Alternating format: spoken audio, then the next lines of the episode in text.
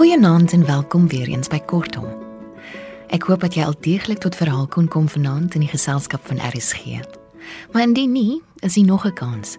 Ons gaan vanaand luister na twee kortverhale. Die eerste is Broos van Henning Janse van Vieren. Ek het dit gekry in die bundel Hartlam, kortverhale oor die liefde, saamgestel deur Gerda Taljaard en Deborah Steinmeier. Dis uitgegee deur Tafelberg en Pieter van Sail gaan dit vir ons voorlees. Daarna gaan ons luister na Ek het jou gemaak deur Jan Rabie wat Johan Nel vir ons gaan lees. Lekker luister.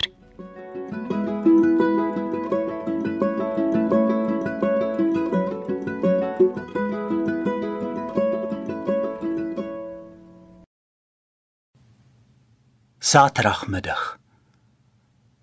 Ek kyk na die stippeltjie deurbo. Dalk 'n blou valk op soek na prooi. Miskien kyk sy af op ons. Op drie mense kinders op 'n geruite kombers, op 'n lappie gras om so met geel madeliefies langs se meentuis. Hier waar dit onlangs nog 'n grasvlakte was waar sy muise en reptiele kon jag. Tussen ons lê Anja op haar maag. Sy speel met my hand, draai my trouring om en om. Sien jy dit? Vra ek en beduie. Is net 'n spikkeltjie. Dink net hoe lekker moet dit wees om so te kan sweef. Jy skud jou kop. Jy weet ek lê aan hoogtevrees. Jy maak jou oë toe teen die skerp lig of dalk maak die drywende wolke jou duiselig. Hoekom dra jy 'n ring, pappa? Vra Anja. Ek kan die hitte van haar lyfie voel. Kry die reuk van haar vel en hare. Wel, mense wat met vlugduwe boer, sit gewoonlik 'n ring om een pootjie om eienaarskap aan te dui. Terwyl Anja my aangaap, glimlag jy onderlangs vir my. Ag, ek terg net 'n bietjie Anja kind, sê ek en sit my hand in haar dun nekkie. Die ring is simbool van ewige liefde en 'n warm wind kom waai ons hare die mekaar. Ruk aan die jong struike en magrietjies en gaan soek dan skoor verder die straat af. Donder weer rammel in die verte. Dis 'n storm op pad, sê ek. Pa, Neil Anja. O ja. Kyk bietjie hier. Die ring maak 'n sirkel. Dit het geen begin of einde nie. Nes die liefde. Ek het ons troudatum aan die binnekant laat ingraveer, beduie jy in onderdrukke gaap. sien jy aan? Sy knik. Hulle sê as die ring eers aan jou vinger is, mag jy dit nooit ooit weer afhaal nie, sê ek en loer na jou. Hoe kom nie? Wil Anja weet. Wel, volgens legende sal die liefde koud word as die ring koud word. Wat 'n legende? Vra sy met 'n fyn keepie tussen haar wenkbroue. Nou is dit jy wat antwoord. 'n Baie ou, wyse verhaal met 'n waardevolle lewensles. Anja lyk bekommerd.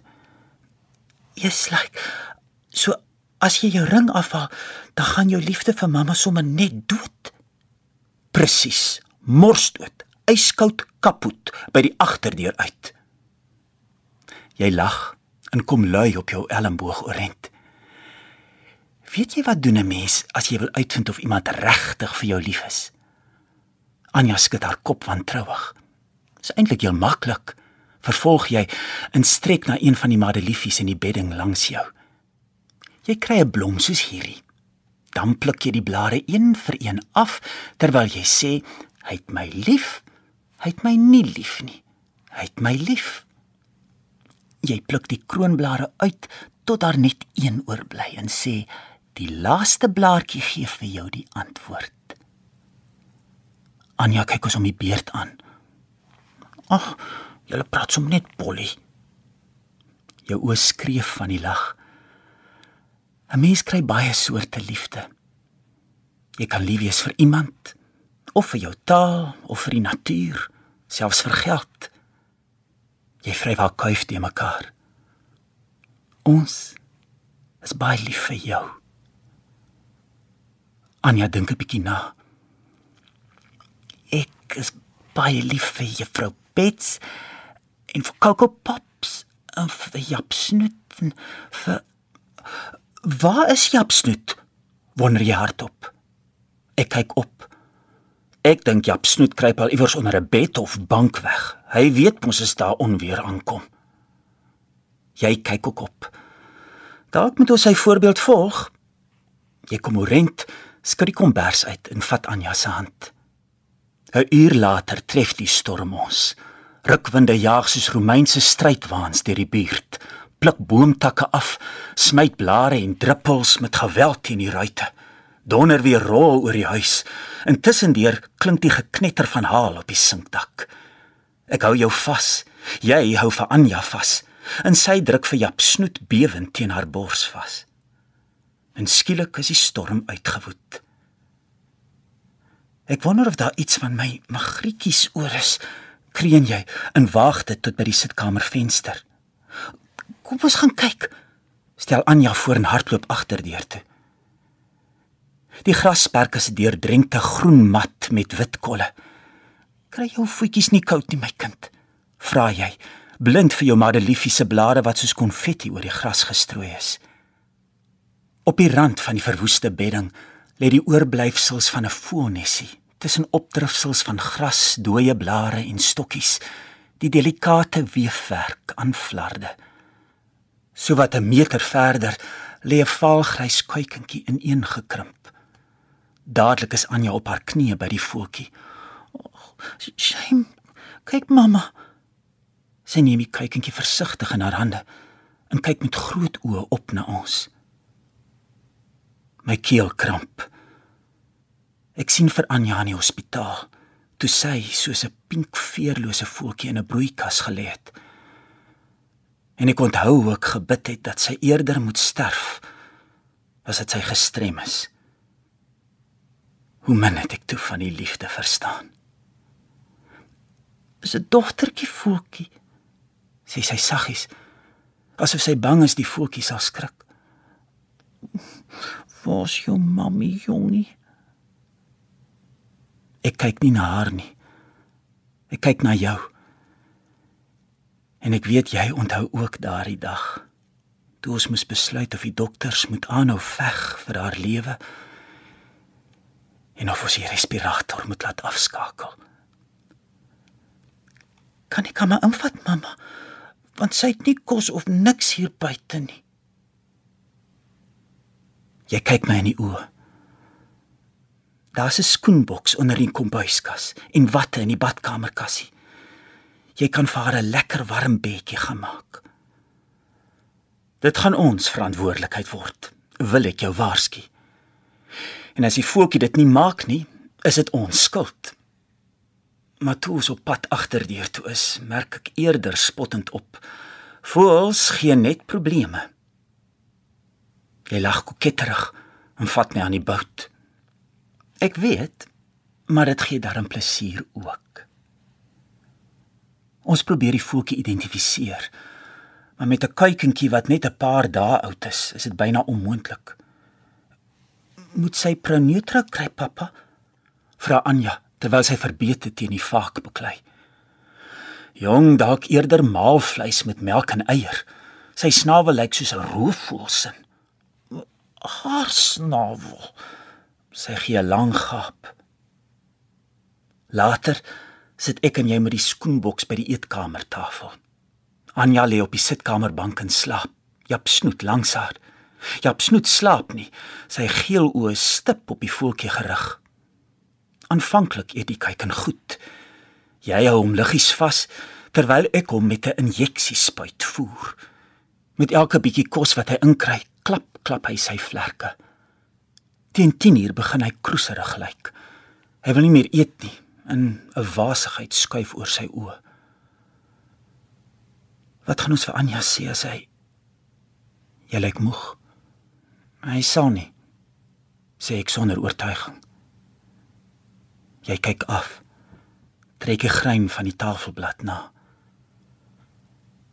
9 jaar gelede het jy opgegee met haar. Ek weet. Ek vat jou hande. Ek was bang vir wat voor lê met 'n gestremde kind. Dat dit ons uitmekaar sou dryf. Dit het. Ek knik.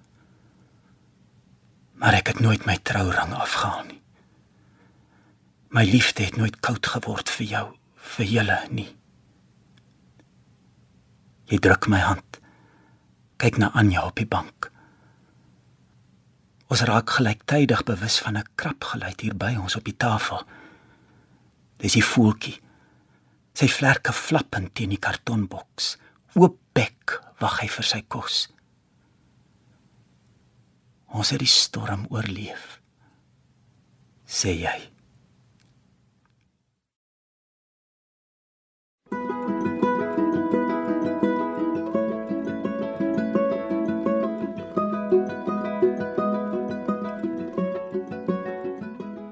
Ingenieur Jacobs het sy vrou so liefgehad dat hy na haar dood 'n lewensgroot wasbeeld van haar gemaak het. Elke aand as sy tuis kom, het sy op haar gewone plek aan die tafel gesit, gekleed in haar trourok en met 'n stuk breiwerk in haar hande wat nooit meer kon beweeg nie. Dan het hy haar op haar wasvoorkop gesoen en soos voorheen met haar gepraat. Net nou het sy nooit geantwoord nie. Sy belangstelling in sy werk het vervlou. Sy vorige energie het so onrusbarend gekwyn dat die direkteure en die firma se dokter hom moes versoek om af te tree. Onverskillig daaroor het Jacobs huis toe gegaan na sy swygende vrou. Bedags het hy broeiend rondgedwaal in die huis sonder lus om uit te gaan of sy ou vriende te besoek.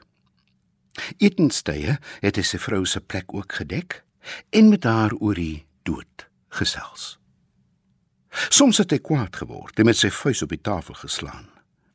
Maar nooit het haar sagte glimlag verander tot die tere woorde wat hom altyd laat voel het asof blomblaartjies oopvou in sy hart nie. Sag en geduldig het sy net bly glimlag.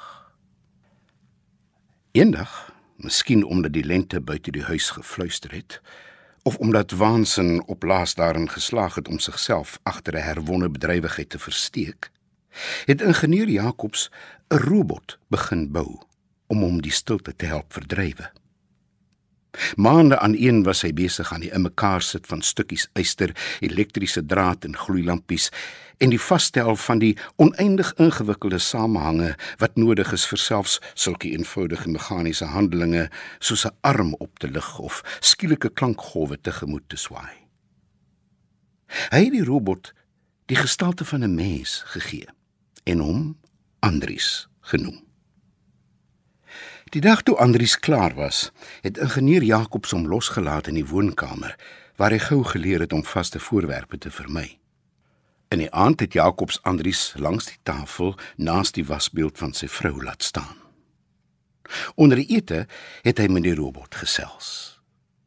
Sy vrae en die robot se antwoorde was altyd dieselfde, 6 in getal. Want dit was alspraak waarmee hy Andries kon bedeel. "Wie is jy?" het hy gewoonlik begin. Dan het die robot se foto-elektriese oë groen geblits en sy eystermond geklepper soos 'n monosilabes in 'n grafstem uitspel. Ek is Andries, die verdomde robot. En waarom is jy hier, Andries? Om oor liefde te praat. Wat is liefde, Andries? Aanhou beweeg en geraas maak. En wat gebeur as mens ophou beweeg, Andries? onvermydelike dood. En wat is die dood, Andries? Nimmer altyd. By die laaste vraag het Jakobs geskater lag en die tafelrand vasgegryp met sy blou beaarde hande so aanskud dat die washande van sy vrou ook gebewe het. Maar maar, maar wat is die lewe, Andries? waarop die robot se aklig klepperende mond weer eens laat hoor het. nimmer altyd. Dan het Jakob sy mes en vurk opgeneem en aan sy swygende gesellin vertel. Het jy dit gehoor, Betty? Binne die hele dag lank was Jakobs besig om sy robot te verbeter. Hy het Andries so ver gekry om te kom as sy naam genoem word om 'n voorwerp in sy eysterhande te neem en dit fyn te druk. Maar Andries het niks op sy eie gedoen nie en slegs op telekommandeerde bevele reageer. Eenmaal het 'n daaglikse gesprek Jakobsen so 'n woede laat uitbars dat hy sy stoel na Andries gegooi en al die breekware op die tafel verpletter het. "Jou verdomde robot, wie is jy om van die dood te praat?" het hy in hygende spot die robot se monosolabiese spraak nageboots. Jy wat nie eens lewe kan ondervind nie, moenie vergeet dat ek lewendig is nie, lewendig. Die dag daarna het hy uitgegaan om 'n pot verf te koop. Hy het teruggehaas deur die sonnige strate, die voordeur gesluit en Andri se massiewe metaallyf met swart oordek. Nou rou jy, Andries, het hy vertel. Oor Betty wat dood is en oor my wat ook moet sterf. Snags het die twee gestaltes hom van oor kan die tafel aangestaar. Die grimmige swart eysterding en die wasbeeld eteries in haar sneeuwwit klere soos 'n appelboom oordek met bloeisels. Hy het selde geëet en dikwels maar net voor hom gesit en staar met sy kop afgehurk tussen sy skouers en sy lippe geluidloos aan die beweeg. Almeer het hy in 'n angskoma verval, waarin trane na sy oë wel en een vir een op sy wange droog. Daaruit het hy vol vertwyfelde energie ontwaak. "Wat is liefde, Andries?" het hy geroep. En dan het die robot soos 'n doodsroggeling uit die graf geantwoord: "Aanhou, beweeg en geraas maak." Hy het opgehou praat met sy vrou in 'n gesprek met die robot onbewus in dieselfde stotterende monosilabes verval. Nou kon hy dit nie meer verdra om Andries te lank uit gesig te verloor nie. Hy was altyd aan die roep na hom en besig om te spot met sy gebreke of sy lelike gevreet. Alles is na die mens se ewebeeld gemaak, het hy Andries meegedeel. God, die duiwel en jy. Ja nee, ek het jou na my ewebeeld gemaak sodat ek vir jou kan lag. En dan het hy Andries een beweging tot 50 maal laat herhaal of sy battery in die middel daarvan diskonnekteer. Andries het altyd net gelyk of hy geduldig wag dat Jakobs moet klaar kry. Op 'n dag het Jakobs die ragfyne trourok van die wasbeeld afgepluk en oor Andries se swart karkas gehang. Jou moeilikheid is dat jy lelik is. Ek moet jou mooi maak. Hy het gesnak van die lag. Nou ek jou lief. In heldere oomblikke het die wille koorsglans in sy oë net aangegroei. Selfs as hy stil in sy leuningstoel lê, was hy ongeduldig besig met 'n nuwe idee, 'n nuwe plan om Andries te verbeter. Weet jy dan nie dat ek 'n skitterende ingenieur is nie? Het dit teen die robot gespog. En dat ek tot in alle ewigheid beroemd sal wees nie? Ja, ja, Andries, weet jy dan nie? Ek gaan jou lewendig maak nie. En hy het voortgeëil teen die onverstoorbare robot oor hoe mens regtig net vir 'n wese in menslike gestalte bevrees kan wees. En hoe sot dit is dat hy nie vir hom, Andries, bevrees is nie. Jy's verkeerd. Liefde is vrees. Het hy die robot doodsbleek verseker. Tog het hy die staaldeur in Andries se bors 'n hele week lank nie oopgemaak nie. Hy was kalm toe hy op laas begin aan die laaste deel outomatiese kamerate wat binne Andries se staaldop ingepas moes word. Dit was maklik om Andries se fotoelektriese oë te laat reageer op die liggaamshitte van 'n lewende wese. Heel maklik om die mikrofone in Andrius se ore te reël. Wat moeilik was, was om Andrius daartoe te bring om sulke liggaamshitte gepaard met beweging en geluid te agtervolg. Dit geduldig en onverbiddelik te agtervolg totdat hy dit bereik het en om dit dan met sy eysterarms te omhels tot die warmte koud word en geluid en beweging verstil. Toe alles klaar was, het ingenieur Jacobs die robot weer eens in die sneeuwwit trourok geklee. Hy het die skakelaar nie aangeslaan nie, maar sy maar uitgeputte lyf na sy stoel gesleep. Lank het hy roerloos bly sit. Teen die namiddag het voetstappe die huis genader en het iemand, waarskynlik 'n koppige vriend, aan die voordeur geklop. Jacobs het sy kop nie gedraai en skynbaar nie gehoor hoe die voetstappe weer wegsterf nie. Slegs langsaam met 'n triomfantelike glimlag uitgekruip langs die uitgeteerde vore van sy gesig. Baie langsaam het hy opgestaan, die robot genader en die skakelaar gedraai. Met eens, toe die robot opleef en hom toe swaai, het hy buite bereik weggespring aanhou beweeg en geraas maak. Onthou jy Andries, het hy triomfantelik gehuig. Snap jy dit nou? Hy het ingespring agter die tafel, verder weg van die robot wat nader kom met opgehefte eystertange. Die wasbeeld het op die vloer geval, glimlaggend, afgryslik naak. Jakobs het verbygespring na 'n ander hoek van die kamer. Andries was stadig, maar seker. Hy het omgeswaai om sy maker opnuut swaarvoetig, maar onverbiddelik te agtervolg. "Sien jy nou, jy verlief op my?" het Jakobs hoonend gespot waar hy teen 'n muur aanhurk en kyk hoe die robot naderkom. Met elke tree die trourok gebewe soos 'n bloeiselboom in 'n Septemberbries. Nagmerrieagtig in teenstelling met die starre swart kop en groot swart eystertange opgelig om te gryp. Gehurk teen die muur het Jakobs gesien hoe sy dood in die gewaad van sy geliefde naderkom. "Nous, jy ook verlief?" het hy gehuig. Net toe die robot byna by hom was, het hy weggespring, vry. Wansinnig het hy gestaan. "Nee. Nee, Betty, ek is nog nie reg vir jou nie." En hy het gestorm na die naaste deur, dit oopgeruk, toegeklap en agter hom gegrendel. 'n Bietjie later het hy teruggekom, aangetrek in sy troupak, 'n blom in sy knoopsgat. Terwyl sy bruid hom weer eens nader, het hy met 'n hooghartige glimlag gesê: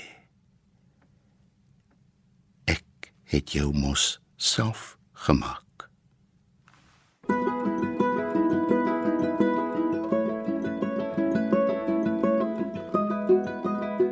Dit was dan ek het jou gemaak wat ek gekry het in die bundel Jan Rabie versamelverhale uitgegee deur Iman Rousseau.